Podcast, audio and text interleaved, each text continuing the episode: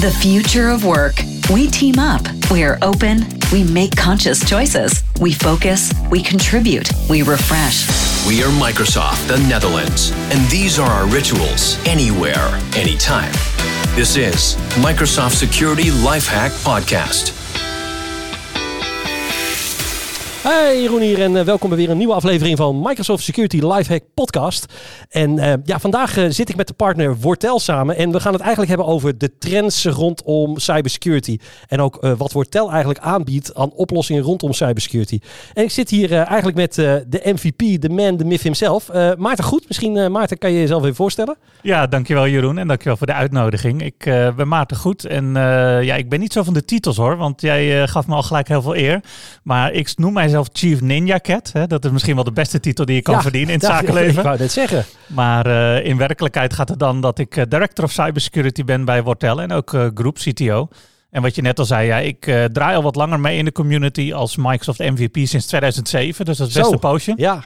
En uh, uh, niet begonnen aan de security kant, maar aan de manageability kant. Maar en sinds 2015 ook Microsoft Regional Director. En dat uh, lijkt erg op die MVP-titel. Maar dan doe je nog weer wat meer strategisch tactisch werk met okay. de community. Dus hartstikke leuk. Oh, dat, dat, is wel grappig. Dus dat is eigenlijk een soort regional direct. Er zijn er een aantal van in Nederland. Niet heel veel, geloof ik, hè? Ja, ik dacht vijf. En uh, superleuke groep die over het algemeen dus helpen met uh, meerdere communities, meerdere user groups of meetups of grotere events. Maar vaak ook wel in een rol zitten. toch C-level, CTO of CISO of CIO. Die dan uh, met klanten en met partners en met Microsoft het verschil maken op uh, de wat grotere thema's. Ja, nee, superleuk is dat. En um, het is ook wel een beetje een eretitel, geloof ik. Uh, omdat dan word je niet zomaar, zeg maar. Daar moet je echt voor, voor uitgekozen worden. Ja, de, de, sowieso is het iets wat je verdient zonder dat je ervoor opgeeft. Je kunt niet voor certificeren. Nee, het is nee. niet een examen wat je doet. nee. dus het is denk ik toch een stuk erkenning voor, voor de impact die we aan het maken zijn. Dus het is wel prestigieus, zijn we blij mee. Ja, gaaf. Um, ja, we hadden het net al even, bedrijf, Wortel. Um, als als, als ik um, aan een hotel dacht, laten we het even in het verleden praten, dan dacht ik werkplek, dan dacht ja. ik uh, SharePoint, uh, ja. dan dacht ik Exchange. Ja. Maar security was nu niet echt, laat maar zeggen, top of mind uh, tot, tot een tijdje geleden. Dus vertel, hoe is dat zo gekomen? Nou, we zijn dat zeker verder gaan uitbouwen. Het was wel iets wat, uh, als je kijkt naar de Microsoft-oplossingen die we inderdaad boden, uh, verweven zat in, in wat je deed. Hè? Want identity is de nieuwe control plane, zeiden ja. we natuurlijk al wel een paar jaar lang. Dus onze collega's van Werkplek deden al wel zaken rondom security. Maar een security divisie die ook een 24-7 uh, response team heeft en die, die op die manier heel professioneel actief is, dat is iets van de laatste jaren. En dat, ja, dat heeft ook wel gezorgd dat, dat we daar meer impact maken, omdat die klanten nu zeggen, oké, okay, ik wil dat uitbesteden. En dan kijk ik ook wel naar Wortel om dat te doen. Ja, ja heel gaaf uh, hoe jullie dat doen. En jullie zijn echt uh, ja, frontrunner als het daarom gaat op, uh, op dat soort dingen. Want ehm, leg eens uit, wat zijn jullie wat zie je eigenlijk in de markt op dit moment? Als je kijkt aan security, wat is hetgene wat, wat speelt, wat leeft voornamelijk? Nou, ik denk in algemene zin zie je gewoon een enorme versnelling en vergroting van aanvallen. Ik denk dat iedereen inmiddels wel erkent dat, uh, ja, dat het iets is wat iedereen kan overkomen. Hè. Dat uh, werd wel gezegd als van het is niet een kwestie van of, maar wanneer je getroffen zou kunnen worden. En dat is op allerlei niveaus. Hè. Je hebt uh, natuurlijk de script kiddies die opportunistisch ja. wat doen. Maar je hebt absoluut die financiële gemotiveerde groepen die actief zijn. En die gewoon ja, ransomware bijna als een service uh, aanbieden. Ook weer aan anderen. En natuurlijk de, de, de, de, de, de, de nazistaten, zeg maar de, de, de, de andere landen. Ja. Die elkaar aanvallen. En dat is natuurlijk wel een maatje groter nog dan wat wij met elkaar doen. Maar die financiële groepen zijn er steeds meer, steeds actiever geworden. En hebben ook steeds meer kansen om op schaal te proberen bij bedrijven binnen te komen. Ja, en op het moment dat ze dan binnenkomen, is de tijd zo verschrikkelijk kort tot het moment dat zij jouw data hebben kunnen uh, kopiëren en uiteindelijk ook vaak ransomware hebben kunnen aanzetten. Uh, dat, uh, dat je vaak al vanaf het moment dat ze binnen zijn, binnen 3,5, 4 uur uh, ja, getroffen bent. En dan gaat het vaak om grote getallen. Dan wordt er niet 10.000 euro gevraagd, maar dan... Iets, ietsje meer. Ietsje is, meer. Een paar procent van de jaaromzet, geloof ik, is, is geloof ik de, de vuistregel die ze hanteren. Nou, ze zijn enorm professioneel. Dus ze kijken ja. inderdaad van, van wat voor bedrijf is dit? Hoe kunnen we ze het beste klem zetten? En inderdaad, van wat zouden dan mogelijk bereid zijn om te betalen? En ze zeggen ook wel eens voor de grap, en dat, dat is gewoon echt waar, is zo'n helpdesk, zo'n service desk ja. van zo'n ransom groep is vaak nog beter dan een gemiddelde bedrijf. want er is gewoon heel veel geld wat erin omgaat. Ja, ja bizar hè, hoe dat gaat. Ja, het blijft een hele wondere, obscure wereld, heb ik het idee. Ja. Want ik kan me herinneren toen ik, eh, toen ik klein was, ehm, en dat is echt jaren geleden, hadden we diskettes. En daar had je soms ook, hè, dan moest je eens nog een virusscanner heen halen. Of eh, van mijn zipdrive, eh nou dat soort toestanden. Ja. Ja, zo lang ga ik al terug, Maarten. Dus, ik denk dat een bepaalde generatie hiermee aanspreken. Klopt. da- daarom. Ehm, en je ziet dat veranderen. Ik kan me nog herinneren, en ehm, dat is weer een verhaal wat er toen was, was dat een nucleair plant in Iran, Ja. maar zeggen, die werd eigenlijk uitgeschakeld ook door een soort virus. In de, en dat was voor mij eigenlijk de eerste keer dat ik echt zag op afstand, laat maar zeggen, over het internet heen, of, of, of althans hè, echt land over land, dat er, dat er gehackt werd, zeg maar. Nou, en er is een enorm mooi boek over geschreven van, eh, van Kim Zetter. Dat heet Countdown to Zero Day. Voor onze Ja. luisteraars absoluut een aanrader om te gaan lezen. Maar dat heet inderdaad Stuxnet. En dat eh, heeft ervoor gezorgd dat die verrijking van uranium, die centrifuges kapot werden gemaakt. Ja. Eh, doordat er inderdaad bepaalde aanvallen plaatsvonden op die systemen. Die, die, die industriële systemen die zij daar hadden. En dat is zo ontzettend eh, eh, ja, eh, gespecialiseerd gedaan. Dat het vermoeden is dat natuurlijk dat bepaalde veiligheidsdiensten hierbij betrokken zijn geweest. Dat zullen we niet zomaar kunnen, Nee, kunnen, nee, kunnen nee, dat- dat snap ik. reproduceren. maar Maar dat was wel zoiets hè, dat bij mij ook de bewustwording was van jeetje, wat, wat, wat is er allemaal mogelijk? wat een impact. En als je ziet waar we nu staan, hè, ehm, ik denk de afgelopen drie jaar, vier jaar is dat hele ransomware heeft echt een, een vlucht genomen. Maar we praten niet alleen over ransomware. Er is natuurlijk veel meer. Hè. Phishing hoor je wel eens. Ja. Eh, eh, nou, noem ze maar op. Nou, je ziet eigenlijk ook, dat weet niet of veel mensen dat weten, maar je wordt vaak op twee manieren eh klem gezet als bedrijf. Aan de ene kant heb je die ransomware die ervoor zorgt dat je systemen op slot zitten. En dat is ontzettend vervelend. Je kan er echt niet meer bij. Het is encrypted. En, en tenzij je die decryptiesleutel koopt van hen, of het besluit neemt om niet te betalen en alles opnieuw op te bouwen, wat natuurlijk ook niet gratis is, ja, dan, dan is dat in ieder geval een belangrijke manier om jou toch te motiveren om te gaan betalen. Maar de tweede facet wat er speelt, is dat zij dus vaak voordat ransomware aanging, jouw data hebben geëxfiltreerd in vaktermen, dus gekopieerd naar een locatie bij hen. En dat ze zeggen, oké, ook al betaal je niet en je gaat je systeem herstellen, dan wil jij waarschijnlijk toch niet dat deze data bekend wordt, want dat is concurrentiegevoelige Ja. data, of het doet iets met je beurskoers, of er zitten in, dingen in die, eh, die je gewoon niet bekend wil maken. En dat ze zeggen, oké, maar als je betaalt om het niet eh, bekend te laten maken, dan, eh, dan doen we dat ook niet. Dus je wordt op twee manieren klem gezet. En dat is heel vervelend. Maar inderdaad, die, het begin van die aanval begint vaak heel simpel. Heel vervelend, inderdaad, wat je zegt, met toch een spearfishing en toch op een of andere manier op dat endpoint zien te komen. Ja. Of het is ook wel zo, en dat daar vond ik vorige maand op Microsoft Bluehat in Israël een mooie sessie over. En ook een aanrader om die nog even op YouTube terug te vinden. Is de massale kans om via het internet eigenlijk exploits te vinden. Dus gaten in Ja, jouw infrastructuur. Ja, ja. En eh, vroeger duurde dat misschien eh, uren, weken, maanden om een infrastructuur af te scannen. En tegenwoordig is natuurlijk het internet sneller geworden. Er zijn veel meer manieren om het te automatiseren. Dus statistisch gezien hebben ze veel meer kans om in korte tijd toch bij een aantal bedrijven een gaatje te vinden. Ja. Een of andere zero day aan te zetten. En dan binnen te komen en zeggen, nou oké, nu ben ik binnen en begint het grote werk. Ja, ik weet nog wel, dat, ik wil niet zeggen dat ik hobby had of zoiets, maar eh, op een gegeven moment had ik een pakketje, dat heette Wordt mijn poortscanner, had ik. En eh, dan, dan keek ik van, nou, hè, van wat is mijn subnet, zeg maar. En dan ging ik gewoon een subnet ping doen. En dan nou, bijvoorbeeld poort 3389, we gaan heel technisch worden. Dat is een RDP-poort. En dan zorg je, dat, dat- kijken of die open stond. Dat, nou, dan ging je gewoon daar naartoe met een browser. En dan had je, hey, ik zit in één keer zit ik in een, eh, met een, eh, eh, ben ik bij een bedrijf blijkbaar op een server. En dan doe je administrator enter. Ja, En dan kwam je soms binnen. Admin, dat, admin. En ja, dan, admin, eh, admin. En verder dan dat ging mijn kennis ook niet. Hoor. Maar ik vond Nee. dat wel... Ja, dat praten we echt jaren geleden. Dan had ik nog Ja. heel lang haarkrullen. Echt uh, gek huis. oh, mooi tijd. Ja, dat is een mooie tijd geweest.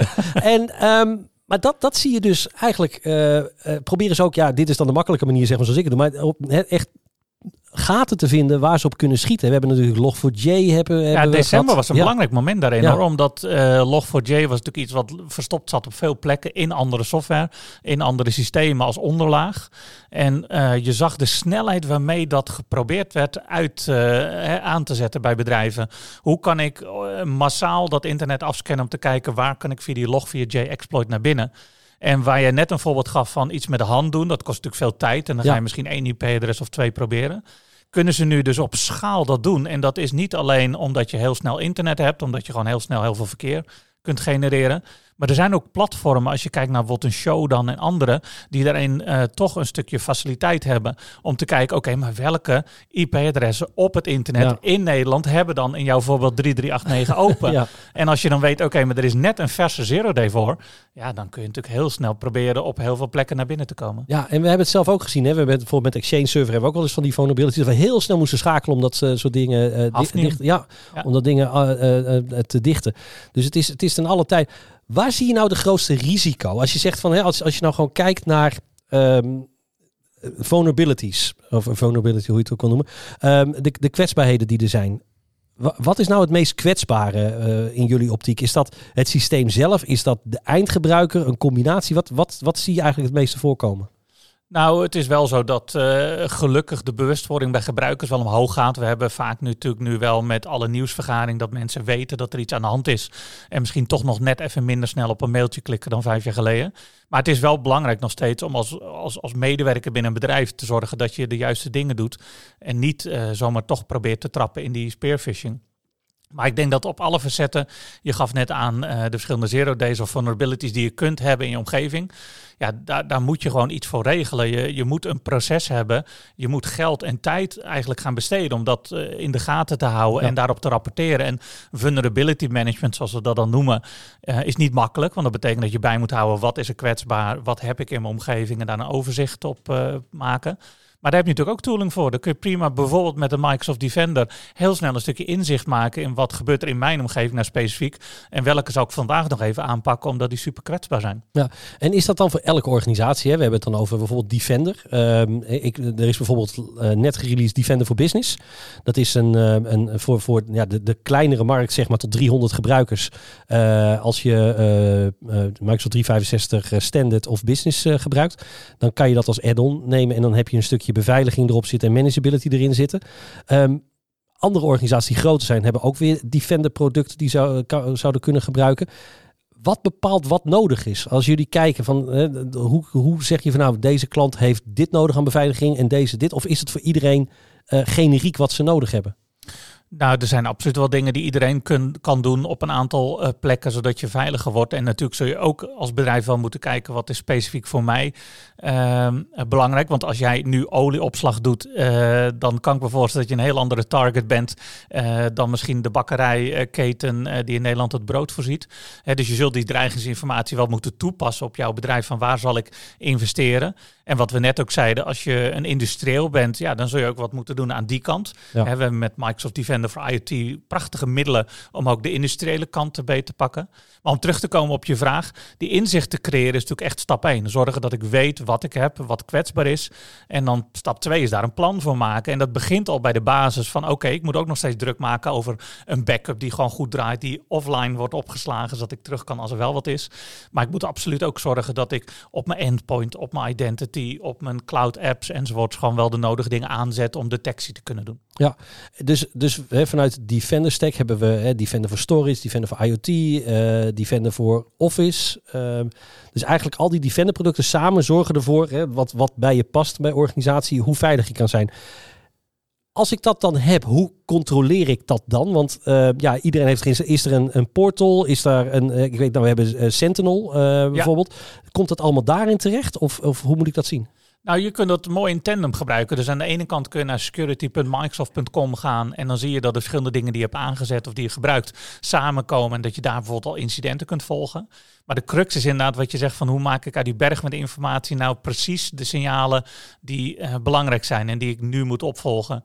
En daar heeft Sentinel absoluut een belangrijke rol in om toch een stukje overzicht te creëren. En misschien ook dingen toe te voegen die je niet via Defender zag. Misschien netwerkverkeer of andere zaken die je wilt toevoegen. Uh, On-premise zaken die we willen toevoegen. Andere cloud-platformen die we willen bewaken. En vervolgens is eigenlijk de tweeluik dat Sentinel ook een stukje respons kan helpen doen. En daar zit natuurlijk wel ook de kracht. Want we zeiden net, in 3,5 uur, 4 uur uh, vanaf het moment dat ze binnenkomen, lig je op, uh, op uh, het zuurstof, want dan zit je aan ransomware ja, dan moet je wel ook tijdig kunnen ingrijpen. En dan is het heel belangrijk dat je op zo'n signaal kan, uh, iets kan doen. En daar heeft Sentinel met wat we in vaktermen noemen SOAR, dus Orchestration en, uh, en Actionable Response, kun je dan eigenlijk op een goede manier weer opvolgen. En, en dat Sentinel, um, ja, dat is, dat is echt een product hè, wat, wat, wat dus dat, dat opvangt en respondt en, en, en advies geeft. Ehm, maar ik kan me voorstellen dat je als organisatie denkt, ja, ehm, is dat wel wat voor mij? Het is super groot. ja, wij zijn, het is 24/7 dat je het eigenlijk moet, moet beheren. Kunnen jullie daar ook dan een rol in spelen? Hè? Kunnen ook die signalen dan bijvoorbeeld naar jullie? Want jullie hebben ook een omgeving om dat te zien, toch? Vanuit Wortel? Klopt, absoluut. Wij noemen dat onze Managed Detection and Response, of in kort MDR. En dat doen we 24 keer 7. En daar zit wel inderdaad uh, iets wat bedrijven vaak niet goed zelf kunnen. Dan moet je al een hele omvang hebben, wil je dat kunnen doen. Dus eh, security is iets wat in ieder geval voor dit onderdeel vaak uitbesteed wordt. Zodat je het samen met de klant doet. En dat wij s'nachts in het weekend en uh, laten we zeggen op feestdagen ook actief kunnen zijn. En met specialistische kennis. Want we zeiden net, oké, ingrijpen. Maar op het moment dat je dan moet vaststellen, is dit nou echt of is dit toch een vals? Uh, doet een beheerder iets of is er een systeem even iets aan het doen? Dan is het wel belangrijk dat je kunt vaststellen dat er dus een ja, eigenlijk dat er echt een hacker of een, vervelend iemand bezig is. En dat je daar direct ook met goede kennis op kunt ingrijpen. Nou, dat doen we vanuit dat Managed Detection and Response. Grote ploeg die dat uh, around the clock doet. Die er ook eigen use cases, dus voor jouw bedrijf op toevoegt. En naast wat Sentinel en Defender al bieden. Maar we hebben ook de proactieve kant. Want je zou kunnen zeggen, dit is de reactieve kant. Er gebeurt iets, we grijpen in. Ja. En de proactieve kant is, laten we nou zorgen van tevoren dat er ook dingen wel strak zijn gezet. En je kunt met conditional access, je kunt met passwordless, je kunt op allerlei manieren dingen natuurlijk strakker zetten. Laten we dat ook doen. Daar hebben we een prima consultingploeg voor. En dan hebben we aan de andere kant wat wij noemen... Um, ja, jezelf eigenlijk verbeteren qua security. Ons red team. Uh, ik heb nu Wortel groen aan, groen aan hè, dat is onze huiskleur. Ja, precies. Uh, de ironie is dat we dan een red team hebben. Het Wortel red team dat zorgt ervoor dat we eigenlijk proberen te hacken alsof we een bepaalde financiële groep zijn of een bepaalde uh, ja, aanvalsvector. En dan kijken we, kwamen we erin of niet? En hadden we alles met elkaar op orde en wat kunnen we nog verbeteren? Dus op al die facetten kunnen we acteren. Maar als je zegt, nou, wat, ik kan het s'nachts niet zelf opvolgen, dan kun je ons bellen. En het leuke is, we, we passen heel erg bij het Microsoft licentiemodel. Dus op het moment dat je een E3 of een E5 of een F1 of noem ze allemaal maar op, dan betaal je bij ons ook per user. Dus het is heel gemakkelijk om, uh, om dat aan te sluiten. Ja, dus je kan de, de, de omgeving die je zelf hebt en de signalen die daaruit komen, komen dan bij jullie terecht, zeg maar. Ja, en het blijft de klantomgeving. Dus het is niet zo dat uh, wij, wij bedienen eigenlijk de omgeving van de klant. Dus de Sentinel Defender blijft gewoon bij de klant. We zorgen dat het uitgerold is, dat veilig oh, is. Dus, dus echt, hun hebben zo'n omgeving zelf draaien en jullie managen dan die omgeving, zeg maar. Ja, dan blijft ook de data bij, eh, bij de klant super veilig. En, uh, maar we zorgen wel dat we bij s'nachts en ontij reageren. Want wat zijn nu de afgelopen periode de meeste aanvallen geweest? Kan je, wat zie je het meeste gebeuren op dit moment? Nou ja, wat we net al zeiden. Kijk, uh, phishing is nog steeds wel een belangrijke aanvalsmethode. Hè? Dus je moet echt zorgen dat je aan de kant van, uh, nou dat stel ik me zo voor, dat, dat mensen dan Microsoft 365 of Office 365 gebruiken. Dat je natuurlijk wel aan die kant de nodige dingen al hebt geregeld. Dat je ook iets met security awareness doet, met trainingen. En dat je op een goede manier dat in de gaten houdt. Dus je bent op zich wel druk met een stukje e-mail.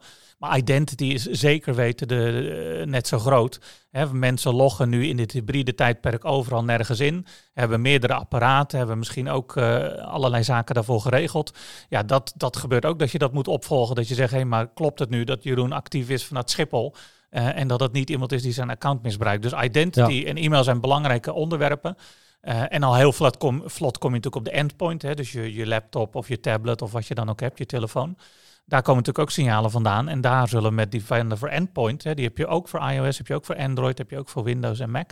Daar kun je gewoon op allerlei manieren signalen uithalen. En dat is ook gewoon een bulk van zaken. Mensen draaien allerlei scriptjes of gaan naar bepaalde sites. Ja, dat is gewoon iets wat in de gaten moet worden gehouden. Niet vanuit privacy of governance, maar heel erg vanuit: is er nou iets gestart? Is er iets in geheugen? Draait er iets op disk wat gewoon niet moet? En, en want ik, uh, voor mij, ze zeggen wel eens: uh, hackers die breken niet in zijn login in. Hè, dat is een term die je vaak hoort.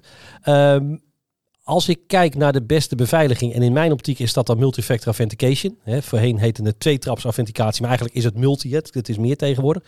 Is dat iets wat jullie ook zeggen van nou, hè, dit is voor ons echt fase 1 als het gaat om beveiliging. Zorg dat uh, je dat soort dingen in place hebt of device manager. Wat is, hè, wij noemen het dan zero trust. Hoe zit dat bij jullie? Is dat ook een policy die jullie voorstaan? Ja, nou dat zero trust is wel een hele goede term hoor, echt waar. Want er vallen een aantal dingen onder wat je net al aangaf die super belangrijk zijn. Dus gebruik je nu nog passwords, absoluut een tweede of een derde factor erbij. Maar neem ook in overweging dat passwordless heel erg soepel werkt tegenwoordig. Hè? Dat je heel gemakkelijk, eigenlijk zonder dat wachtwoord, met toch een hoge beveiliging kunt inloggen.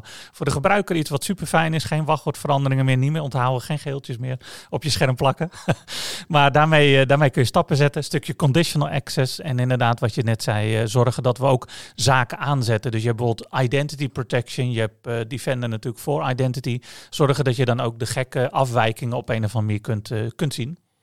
Ja, want wat wij ook zeggen, hè, bijvoorbeeld, uh, nou, laten we nemen passwordless. Hoe reageren gebruikers daarop? Want ik, ik kan me voorstellen dat zeker hè, gebruikersadoptie is ook belangrijk rondom security. Dat is wel een dingetje. Van, hoe, nemen jullie gebruikers daarin mee? Hebben jullie daar bepaalde processen voor om die gebruikers uit te leggen waarom dit nu op deze manier moet en wat voor hun daar de winst in is? Want awareness, wat je zei in het begin al, wordt al hoger van gebruikers, maar hoe, hoe nemen jullie daarin mee? Nee, dus je absoluut een stukje begeleiding en, en training en coaching in moeten doen. En dat is ook wel iets continu. Je wil dat verbeteren, maar mensen gaan ook, die komen bij het bedrijf werken, gaan weer weg. Dus dat is niet iets van eenmalig. Wij hebben een aanpak die noemen we digitaal vitaal. Uh, eigenlijk om mensen ja, digitaal weerbaarder te maken. En daarmee doen we inderdaad eenmalig trainingen uh, en vervolgtrainingen daarop. En aan de andere kant een stukje meetbaarheid van hey, zijn er bepaalde mensen of groepen die we nog extra kunnen helpen. En dan het invoeren ervan is dus ook een stukje begeleid en gecoacht van dit is wat er gaat veranderen, zo doen we dat. Zo gaat het werken, hier is een voorbeeld. Maar het is ook wel zo, en dat vind ik fantastisch tegenwoordig aan hoe dat werkt met uh, Windows, maar ook gewoon met je telefoons, maar ook vanuit de cloud. Het is ook wel heel soepel. Hè? Je hebt geen honderdduizend instellingen meer nodig. Het is ook niet een, een prompt van je zegt, hey, wat een verwarrend verhaal waar ik nu in terecht ben gekomen. Mensen begrijpen het wel, hebben vaak via hun internetbankier en andere middelen al heel erg gewend aan nou ja, op een of andere manier via een sms of een push message uh, de bevestiging kunnen geven. Dus wij zien daar ook niet hele grote uh, problemen op dat we dat bij een bedrijf aanzetten. Is het ook angst bij mensen? Iets, uh, want ik, wat ik wel eens merk is een soort, is een soort ja, tweespalt. Aan de ene kant willen mensen heel veilig zijn en hebben ze een bepaalde angst. Aan de andere kant vinden ze al die security dingen doen ook wel heel erg lastig. Dus die, die afweging die zie je vaak in. En ook de angst, hè? want iedereen heeft wel eens een berichtje gehad. Uw pakketje is onderweg. Of ja. uh, uh, bij een of andere bank waar je nooit gezeten hebt in één keer ja. vraagt of je pasje op wil sturen. Ja maak je, ja, ik wil niet zeggen, maak je gebruik van die angst? Of is dat, uh, kan je daar bewustwording door creëren? Ook door ze aan te geven, joh, je hebt dit thuis ook. En dus op de zaak betekent dat ook iets. Nou, ik geloof wel, ik ben geen psycholoog, dat verandering natuurlijk toch voor mensen wel lastig is. Hè? Dus je moet dat ook wel gewoon goed doen. En uh, daarmee kan techniek ook gewoon wel helpen. Je moet het ook niet zo complex maken dat die verandering te groot wordt. Ik, ik, wij zien niet veel angst. Wij zien wel dat een stukje phishing met elkaar leren is niet zo geweldig ingewikkeld. Het is herhalen zodat het top of mind is van oh dit kan phishing zijn. Het is wel zo dat spear phishing, dus gericht phishing. Ik ben de boekhouder en ze gaan proberen mij een mail te sturen om een bepaalde overboeking te doen. Is soms wel moeilijker, zeker als ze weten wat voor systemen uh, je hebt en je huisstijl proberen na te maken. En op een onbewaakt ogenblik, net voordat jij de, de vliegtuig instapt of wat dan ook, proberen jou verleiden om op dat mailtje te klikken. Uh, dus er is wel veel nodig, maar ik zou het niet zien als angst. Ik zou wel zeggen, die verandering die moet plaatsvinden, moet je begeleiden. En ik denk dat techniek absoluut een grote rol heeft om dat te faciliteren. We kunnen niet altijd alles van mensen verwachten. We moeten ook gewoon zorgen dat de techniek gewoon dat uit handen neemt. Wegfiltert uh, bijvoorbeeld. Maar ook gewoon zorgen dat je niet uh, ja, alleen maar van mensen afhankelijk hoeft te zijn. Nee, nee. En dat is, de technologie helpt daarbij. Hè. Wat we ook vanuit Microsoft doen is dat we heel veel signalen oppikken. Hè. We hebben miljarden signalen per dag die we eigenlijk bekijken van joh, is dit nou hè, schadelijk ja of nee? Hè? Dus we proberen dat echt wel op te vangen. Uh, ik vind dat ook, wat ik heel mooi vind, je hebt in Redmond een team dat heet het Microsoft Threat Intelligence Center, wordt afgekort als Mystic. Uh, bijna mystiek, een beetje vaag hoe ze de dingen doen, zou je zeggen. ja, precies. Nee, maar daar zit een waanzinnig mooi team. Mensen die zowel met de veiligheidsdiensten wat samenwerken over de wereld, maar ook wat je zegt over de platformen zelf dingen verzamelen. Maar dat zo destilleren dat daar, ja, wat wij dan in vakjargon noemen indicators of compromise, hè, dus dat kunnen IP-adressen zijn of bepaalde bestandsnamen of hashes, worden toegevoegd aan de producten die Microsoft levert in Azure Central, in Defender, maar ook gewoon in Microsoft 365 wereld, om te zorgen dat die alvast uitgefilterd zijn. Ik bedoel, daar is onderzoek naar gedaan. Dat is vastgesteld, dat hoef jij niet nog eens een keer zelf te doen. En uh, wat ik ook heel fraai vind, is dat team is ook, nou, ik geloof wel dat er tientallen, maar dat, dat weten jullie misschien beter, uh, aan, aan machine learning experts zitten. Die natuurlijk proberen ook te zorgen, laten we dat niet alleen maar met de hand doen, want dat is gewoon te veel. Laten we zorgen dat er modellen ontstaan die die afwijkingen zien en daarop rapporteren. En dus op het moment dat jij nu Azure Sentinel aanzet, heb je eigenlijk out-of-the-box machine learning mogelijkheden ook aanstaan. En zie je dus ook dat die dingen gecombineerd worden. Hey, ik zie een identity vraagstuk, ik zie iets op het endpoint gebeuren en nog elders. Oké, maar dat tezamen, dat is wel echt een probleem. Ja, dus het, we, we, combineren de zaken, we, we, leren ervan en brengen dat uiteindelijk naar eindgebruiker toe. Um, wat je ook in organisaties ziet, um, is dat ook um, met het gebruik van Microsoft 365, is dat je ook in staat bent om uh, testjes te draaien, zeg maar. Hè? Dus uh, nep phishing mails, of hoe je het wil zeggen, learning phishing mails ja. uh, kan uitsturen. En, en daar dus mensen die daarop klikken, worden gezegd, ja, hey, dit is een phishing mail van je organisatie. Hier heb je een training, misschien even handig om te volgen, dat ja, soort dingen. simulator. Is, ja, zo'n simulator. Is dat ook iets wat jullie uh, aanzetten? Of hebben jullie je eigen tooling daarvoor? Nee hoor, we leunen ook wel op de Microsoft tooling. Je kunt inderdaad, als je nog een stapje verder wil gaan, uh, ook naar third-party tooling kijken om dat aan te vullen. He, bij third-party tooling zie je soms dat, uh, dat je bijvoorbeeld ook USB-drop-test kan doen. Dan wordt er een USB voorbereid, in de parkeergarage achtergelaten en even kijken wie hem oppakt en in de laptop steekt. En daarmee vul je eigenlijk dat plaatje aan van oké, daar moeten we misschien nog wel een stukje verbeteren qua awareness. Maar die simulator tooling die in Microsoft 365 zit, is gewoon goed. En het leuke is als je dat dus ja, toch een beetje aanpast naar het bedrijf, kun je dat best heel echt maken. En dan kun je mensen wel verleiden om te klikken. En ook een stukje feedback geven. Joh, hier had je dus niet op kunnen klikken. Want dit zijn drie of vier kenmerken waar je nog iets mee kunt. Dus dat doen we. Dat richten we dan ook voor ze in. Dat doen we dan uiteindelijk ook uitvoeren. En geven rapportages om uh, bedrijven te zeggen. Nou, misschien moet je met die afdeling nog eens verder aan de slag. Of, uh, of op die manier een verbetering doorvoeren. Ja, dit programma heet Security Lifehacks. De, de podcast. Een van de dingen hè, wat uh, nou, ik wil het niet echt een lifehack noemen. Maar je zou het kunnen, kunnen, kunnen vangen. Um, is de out of office. Uh, wat ik vaak zie is als iemand een out of office uitstuurt, is dat daar, laat me zeggen, uh, ik ben er niet, oh, ja. maar mijn collega uh, uh, Nienke, nou Plas, dat is geen collega van me, at microsoft.com ja. is er wel. bel anders dit telefoonnummer. Dan geef je al zoveel informatie prijs. Of ja. ik ben er niet van dan tot dan. Ja. weet je, je, je, geeft al zoveel dingen. En als je als hacker, laat me zeggen, daar een beetje op focust, weet je, dan heb je op een gegeven moment een hele lijst aan uh, mailadressen en dus inlognamen in principe, waar je ook op kan. Dus een van de tips is, heb je een out of office, kijk een beetje goed wat je daarin zet. Ga niet wat we noemen oversharen, want dat zie je ook wel eens gebeuren, dat mensen gewoon te veel uh, uh, daarin, uh, daarin, daarin share. Tipje van de dag. Ja, Tipje doe, van de dag. Doe, nou ja, misschien dan gelijk ook niet die Twitterfoto dat je op het vliegveld stond en vertrok. Precies, precies. dat soort dingen. Of op Instagram. Ah, ja, het is je... natuurlijk wel waar dat die open source intelligence, OSINT, is natuurlijk wel een ding. Hè. Dat zie je ook met spearfishing. degene die gemotiveerd zijn, geld hebben en tijd hebben, ja, die proberen een plaatje te creëren van wat zou ik hier bij dit bedrijf of bij deze persoon kunnen doen. Ja, ja inderdaad. we lopen langzaam tegen naar het einde toe. Maarten, vanuit Wortel. Um, en je denkt dat ik wil veilig zijn. Ik wil toch voor zorgen dat ik althans zo veilig mogelijk zijn. Uh, wat is het best om te doen? Hoe kunnen ze jullie bereiken? Wat kunnen jullie bieden? Misschien kan je dat in het kort nog uitleggen. Nou, we zijn actief in Nederland en België. Dus je kunt via Wortel NL en Wortel B1 met ons in contact komen. We hebben ook resources waar je alvast mee zelf aan de slag kunt. We hebben bijvoorbeeld een Azure Sentinel e-book wat je gratis kan downloaden op de website. We hebben andere zaken waar je blij van kunt worden. Uh, maar zeg je nou van, joh, ik wil dat wel eens even extra zien of vertel mij wat over die MDR, dan kun je gewoon naar wortel.nl slash security en dan komen we met jou in contact en dan gaan we dat vertellen en laten zien. Nou, superleuk. Um, goed om te weten. Dus wil je meer weten, ga naar wortel.nl of wortel.be als je in, in België luistert. En of stel dat je de Belgische wortel wilt en, en, en, je woont in Nederland. Ik heb geen idee of dat allemaal kan. Ik, ik heb altijd begrepen dat een Belgisch biertje beter smaakt. Dus, uh, dat, van... dat, ik denk dat de Belgen dat bij ons eens zijn inderdaad. Dus uh, dat is altijd goed om te weten. En we komen graag een biertje doen natuurlijk. Uh, niet allemaal tegelijk mensen. Maarten, super bedankt. Uh, leuk dat je er was. Uh, ja. Ik hoop elkaar uh, snel nog een keer te spreken. Misschien over een ander onderwerp. Misschien wat meer in-depth over IoT. Daar ben ik ook super benieuwd naar. Dus dat gaan we zeker doen. jullie bedankt voor het luisteren. En we zien je graag weer tot de volgende keer. Tot dan. Bedankt voor het luisteren naar deze podcast van Microsoft Nederland.